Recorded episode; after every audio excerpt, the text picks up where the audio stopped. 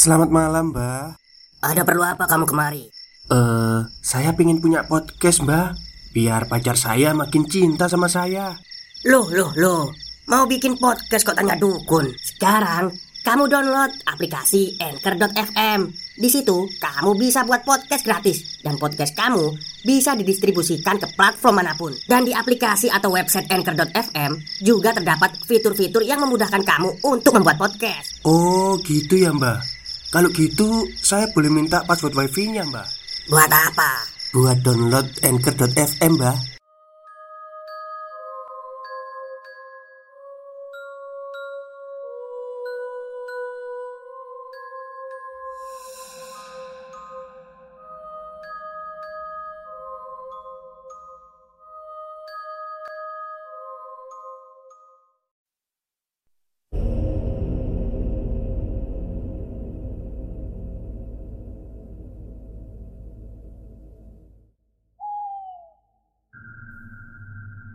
Assalamualaikum warahmatullahi wabarakatuh. Halo semuanya. Jumpa lagi dengan saya Chow Sing Sing Kurator dari podcast Horror Night Story. Halo apa kabar semuanya? Semoga kalian semua baik-baik saja ya. Dan seperti biasanya pada siang hari ini saya kembali dan akan menghadirkan sebuah kisah mistis untuk kalian semua. Kisah mistis kali ini saya datangkan dari treat horornya Mas Restu Wira mengenai kosan berhantu yang ada di kota Bandung. Oke, daripada kita berlama-lama, mari kita simak ceritanya. Kejadian ini merupakan sebuah pengadaptasian sosial akan seramnya sebuah tempat yang sudah terbengkelai, lalu direnovasi lagi oleh pemiliknya. Kisah ini terjadi kepada Chandra saat dirinya ingin mencari sebuah kosan yang ada di daerah Bandung. Narasumber meminta untuk merahasiakan nama tempatnya. Jadi, ini berdasarkan kisah nyata ya. Cerita ini berasal dari Chandra, nama samaran. Karena Chandra ini bekerja di salah satu perusahaan di Bandung, otomatis Chandra harus mencari penginapan yang nantinya akan dipergunakan untuk tempatnya beristirahat sehabis pulang dari kerja. Setelah dirinya mencari ke sana kemari, akhirnya Chandra mendapatkan sebuah tempat kosan yang lokasinya agak jauh dari tempatnya bekerja. Namun, walaupun begitu, kosan itu terlihat sangat nyaman karena diapit oleh beberapa rumah warga. Selain itu juga, pepohonan di sekitaran kosan sangatlah rindang dan cukup untuk membuat nyaman dan menghasilkan hawa yang sejuk serta udara yang segar. Akhirnya Chandra pun menemui pemilik dari kosan itu. Namanya adalah Pak Samuel. Lewat Pak Samuel inilah Chandra bisa menempati kosan tersebut. Akan tetapi, Sebenarnya ada satu hal yang tidak diinginkan oleh Pak Samuel ketika Chandra menempati tersebut. Setidaknya, jika Chandra sudah benar-benar tidak betah menempati kosan itu, Chandra bisa langsung menghubungi Pak Samuel. Chandra pun menyetujui hal itu. Lagi pula, tidak terlalu percaya terhadap hal-hal yang berbau mistis dirinya. Bisa dibilang Chandra merupakan tipikal orang yang sangat skeptis dan tidak terlalu percaya akan hal-hal yang sangat klinik dan lainnya. Karena itulah Chandra selalu membawa santai segala urusannya dan tidak terlalu dijadikan sebagai beban untuk pikirannya sendiri. Setelah semuanya sudah sepakat, Pak Samuel pun memberikan kunci rumah kepada Chandra. Awalnya, Pak Samuel ingin mengajak Chandra untuk melihat-lihat kamar ataupun segala sesuatu yang ada di dalam rumah itu. Tapi karena rumah tersebut terlihat masih bagus, Chandra menolak ajakan dari Pak Samuel. Dirinya sudah sangat percaya jika kosan tersebut memiliki tempat yang bagus dan nyaman untuk dirinya. Lewat penilaian Chandra ini, Pak Samuel hanya bisa terdiam. Baru kali ini dirinya mendapati orang yang menyewa kosannya, namun sudah sangat cepat untuk menyimpulkan segala sesuatu yang belum sepenuhnya diketahui oleh orang tersebut.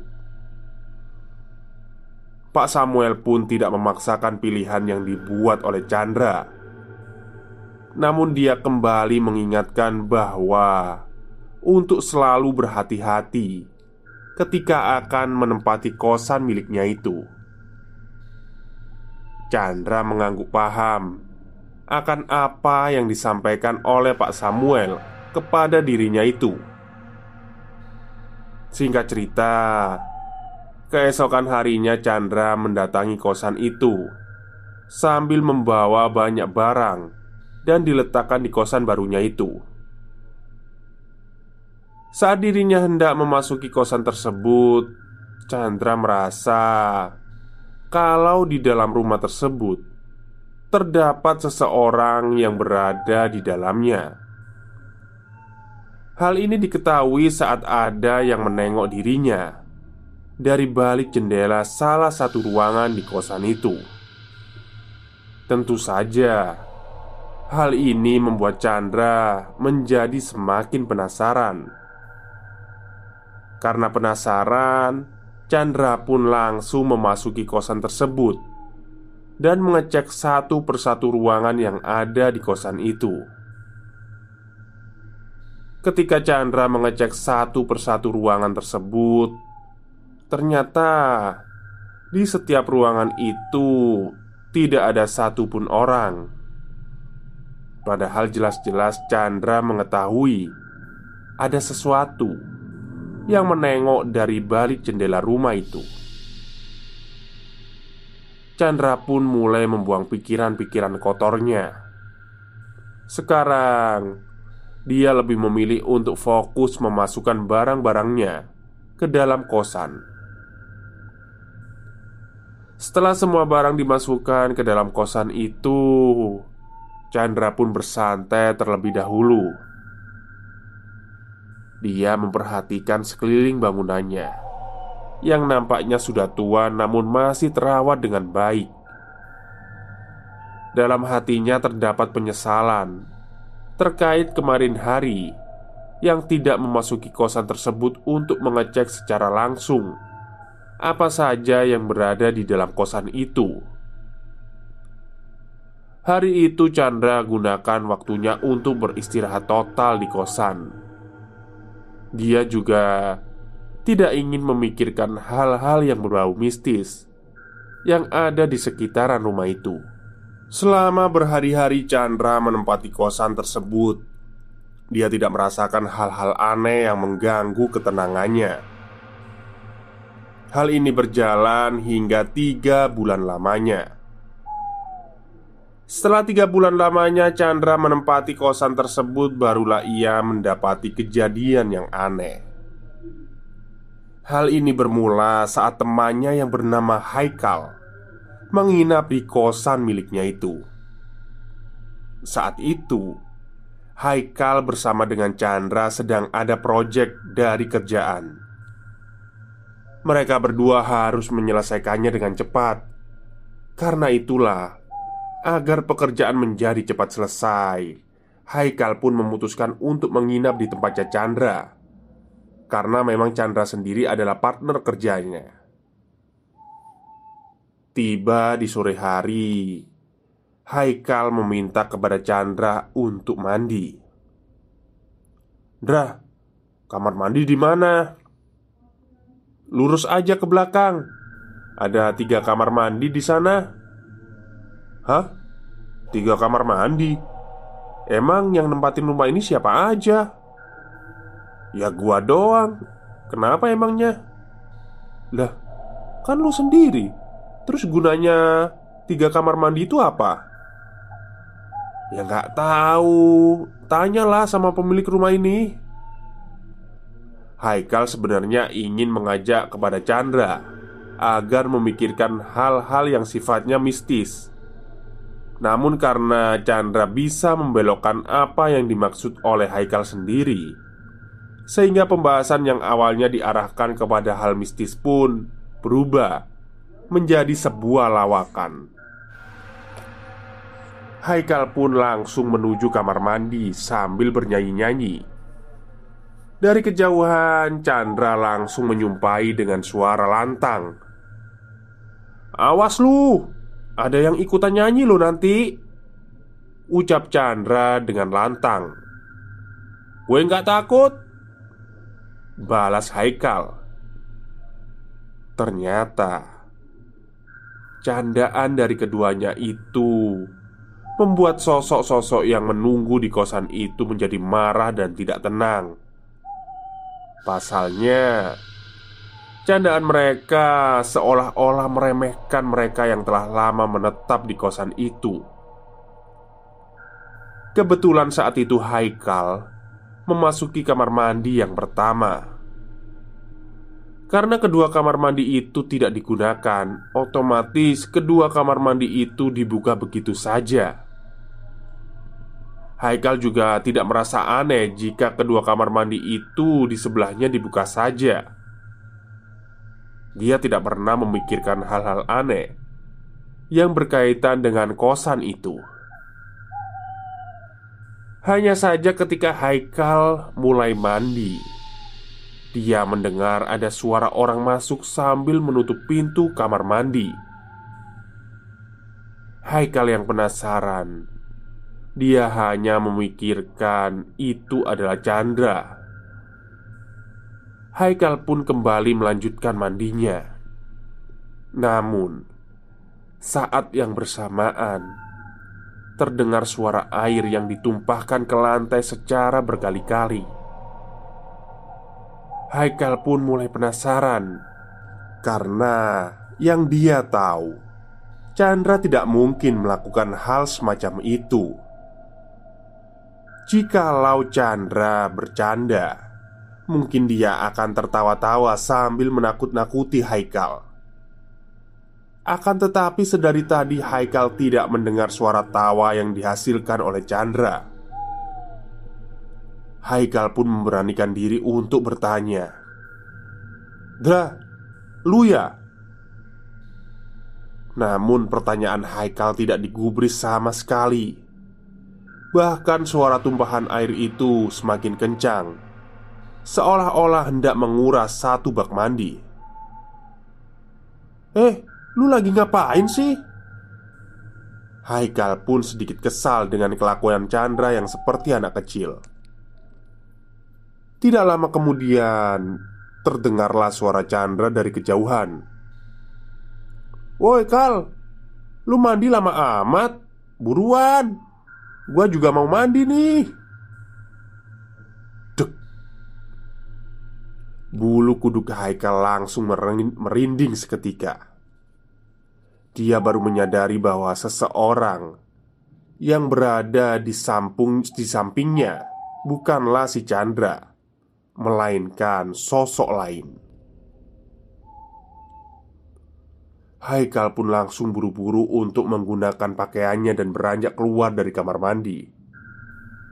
Setelah Haikal keluar dari kamar mandi Ia menemui Chandra yang sedang terduduk sambil menghisap rokoknya di ruang tengah. Haikal pun terhenti sejenak sambil menampakkan wajah pucatnya. "Lu kenapa? Kok muka lu pucat amat?" "Eh, uh, kayaknya gue nggak jadi nginep, Dra." "Emang kenapa?" "Anu, gue nggak betah." "Loh, Lu aja belum nginep Bisa-bisanya bilang gak betah Kenapa sih? Haikal menatap arah jendela depan rumah. Ia melihat siluet bayangan hitam sedang berdiri sambil melambai-lambaikan tangannya ke arahnya. Anu, pokoknya gue nggak mau nginep. Ya udah ya udah bentar, gue mandi dulu. Terus gue anterin lu balik ke kosan. Haikal pun langsung menuju kamar untuk mengganti pakaian. Sebenarnya ada perasaan takut dalam diri Haikal ketika dirinya hendak memasuki kamar. Namun Haikal memaksa untuk masuk ke dalam kamar dan melawan rasa takutnya itu. Berbeda dengan Chandra, dirinya justru merasa aneh dengan Haikal. Pasalnya selama beberapa bulan Chandra menempati rumah ini Dia tidak pernah diganggu oleh satu sosok pun Bahkan dirinya merasa aman dan tenang di sini. Stop, stop. Kita break sebentar. Jadi gimana? Kalian pengen punya podcast seperti saya? Jangan pakai dukun, pakai Anchor. Download sekarang juga. Gratis. Walaupun ada gangguan, tapi Chandra tidak pernah menggubrisnya sedalam itu. Dia hanya berpikiran bahwa selama ini dirinya tidak diganggu. Maka sosok-sosok yang berada di sekitarnya pun tidak akan pernah mengganggu. Singkat cerita, ketika Chandra telah usai mandi, dia langsung menuju kamar. Di dalam kamar, Haikal telah mempersiapkan semua barang-barangnya. Wajahnya masih menampakkan rasa trauma. Kal, lu baik-baik aja kan? Baik kok Kenapa emang? Kok muka lu kelihatan tegang banget? Lu trauma ya? Ya gimana nggak trauma? Gue digangguin pas banget di sebelah gue Iya juga sih Emang bentukannya apa? Tanya Chandra Lah Emangnya selama lu di sini nggak pernah diganggu? Ya, alhamdulillah kagak. Emang bentuknya kayak apa sih? Haikal melihat kanan kiri di sekitarnya. Dia juga menatap jendela kamar. Takutnya, ketika Haikal mengucapkan sosok-sosok ciri-ciri yang dimaksud, tiba-tiba sosok itu muncul. Kenapa, Kal? Oh, kayaknya nggak usah disebutin deh. Nanti juga lu tahu. Ya udah, bentar gue sholat dulu terus nganterin lu. Haikal masih membayangkan apa yang dilihatnya selama di kamar mandi. Meski begitu, dia tidak percaya jika Chandra yang telah berbulan-bulan menempati kosan ini, tapi tidak pernah merasakan gangguan. Singkat cerita, ketika Chandra usai melaksanakan sholat, dia pun langsung mengganti pakaiannya dan bersiap-siap untuk mengantarkan Haikal menuju kosan. Hari itu mungkin akan menjadi hari pertama dan terakhir bagi Haikal sendiri. Ketika hendak menginap di sebuah kosan yang ternyata di dalam kosan tersebut menyimpan banyak misteri yang bahkan belum diketahui oleh banyak orang. Setelah mengantarkan Haikal, Chandra kembali lagi ke kosannya. Kali ini suasana agak beda. Kota Bandung terasa dingin. Yang membedakan adalah hawa dinginnya, seperti bukan hawa dingin pada umumnya.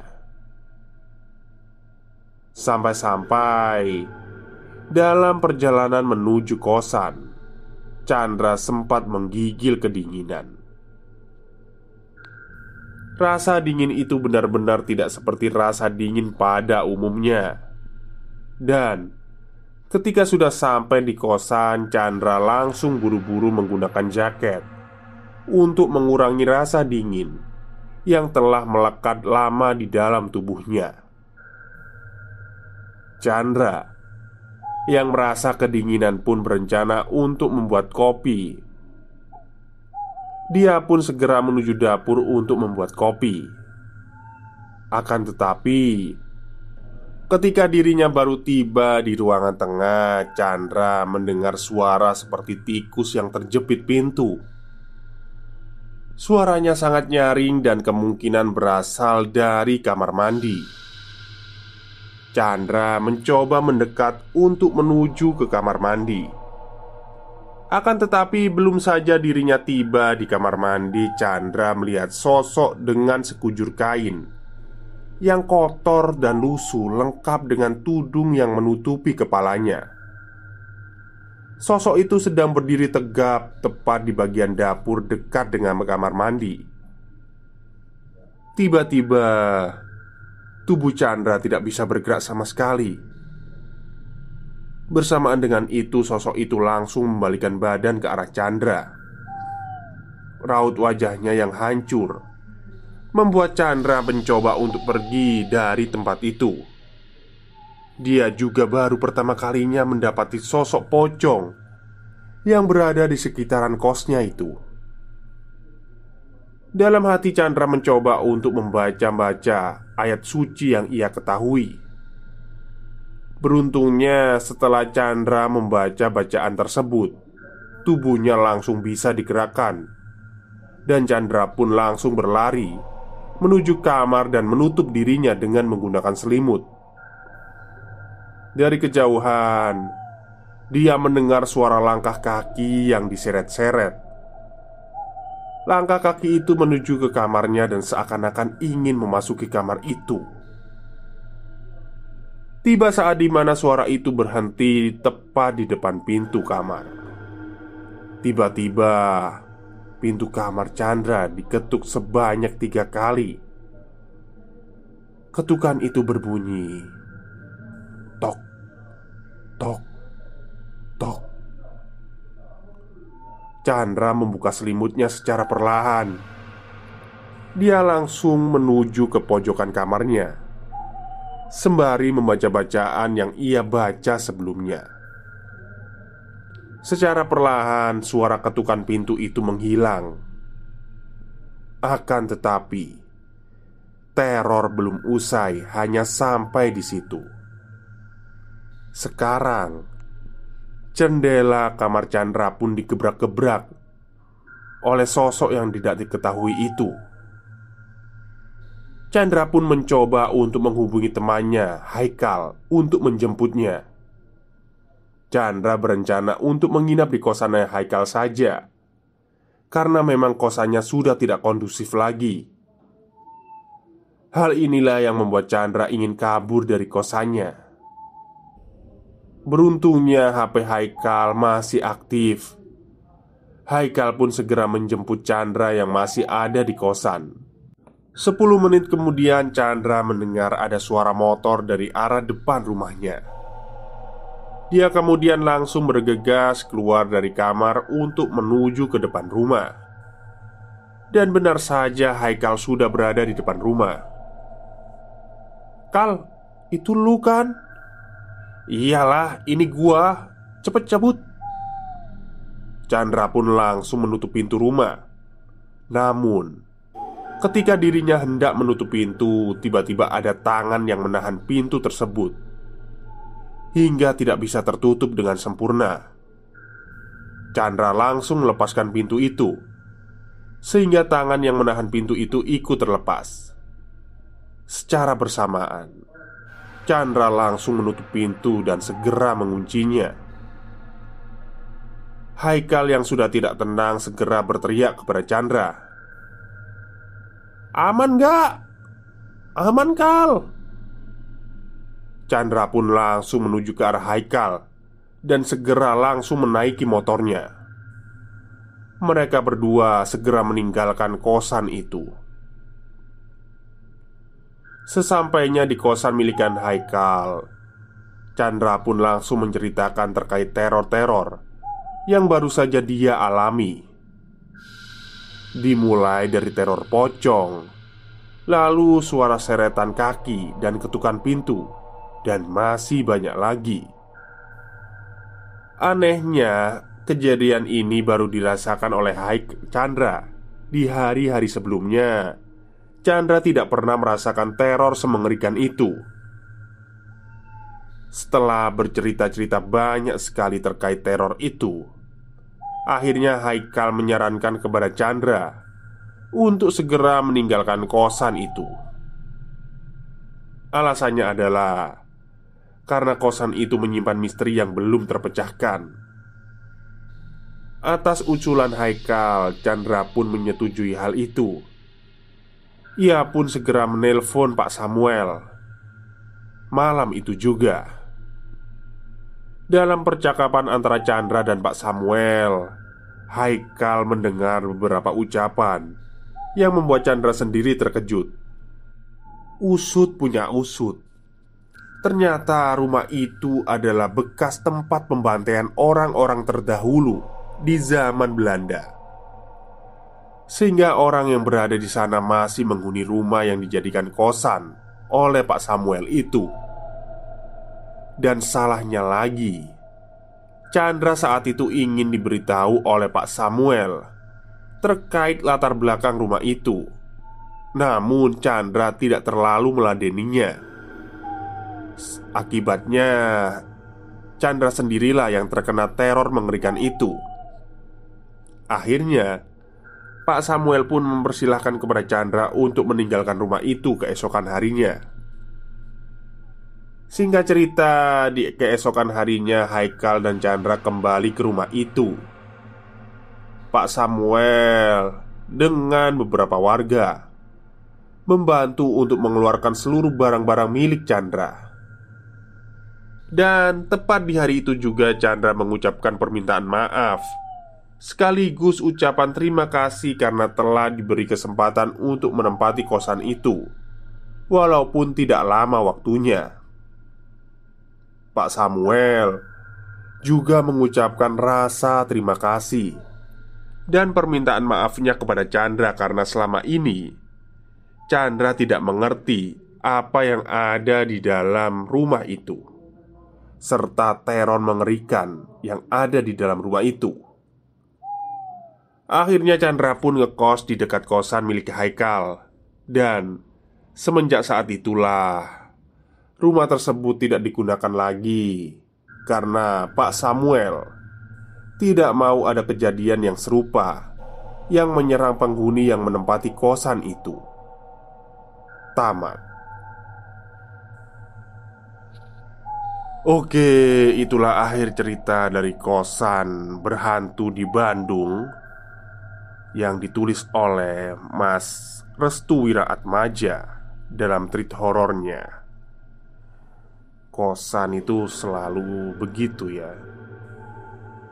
Banyak sekali cerita tentang kos-kosan berhantu. Tapi kalau orangnya rame-rame aman kok. Oke, mungkin itu saja cerita untuk siang hari ini. Kurang lebihnya saya mohon maaf. Wassalamualaikum warahmatullahi wabarakatuh.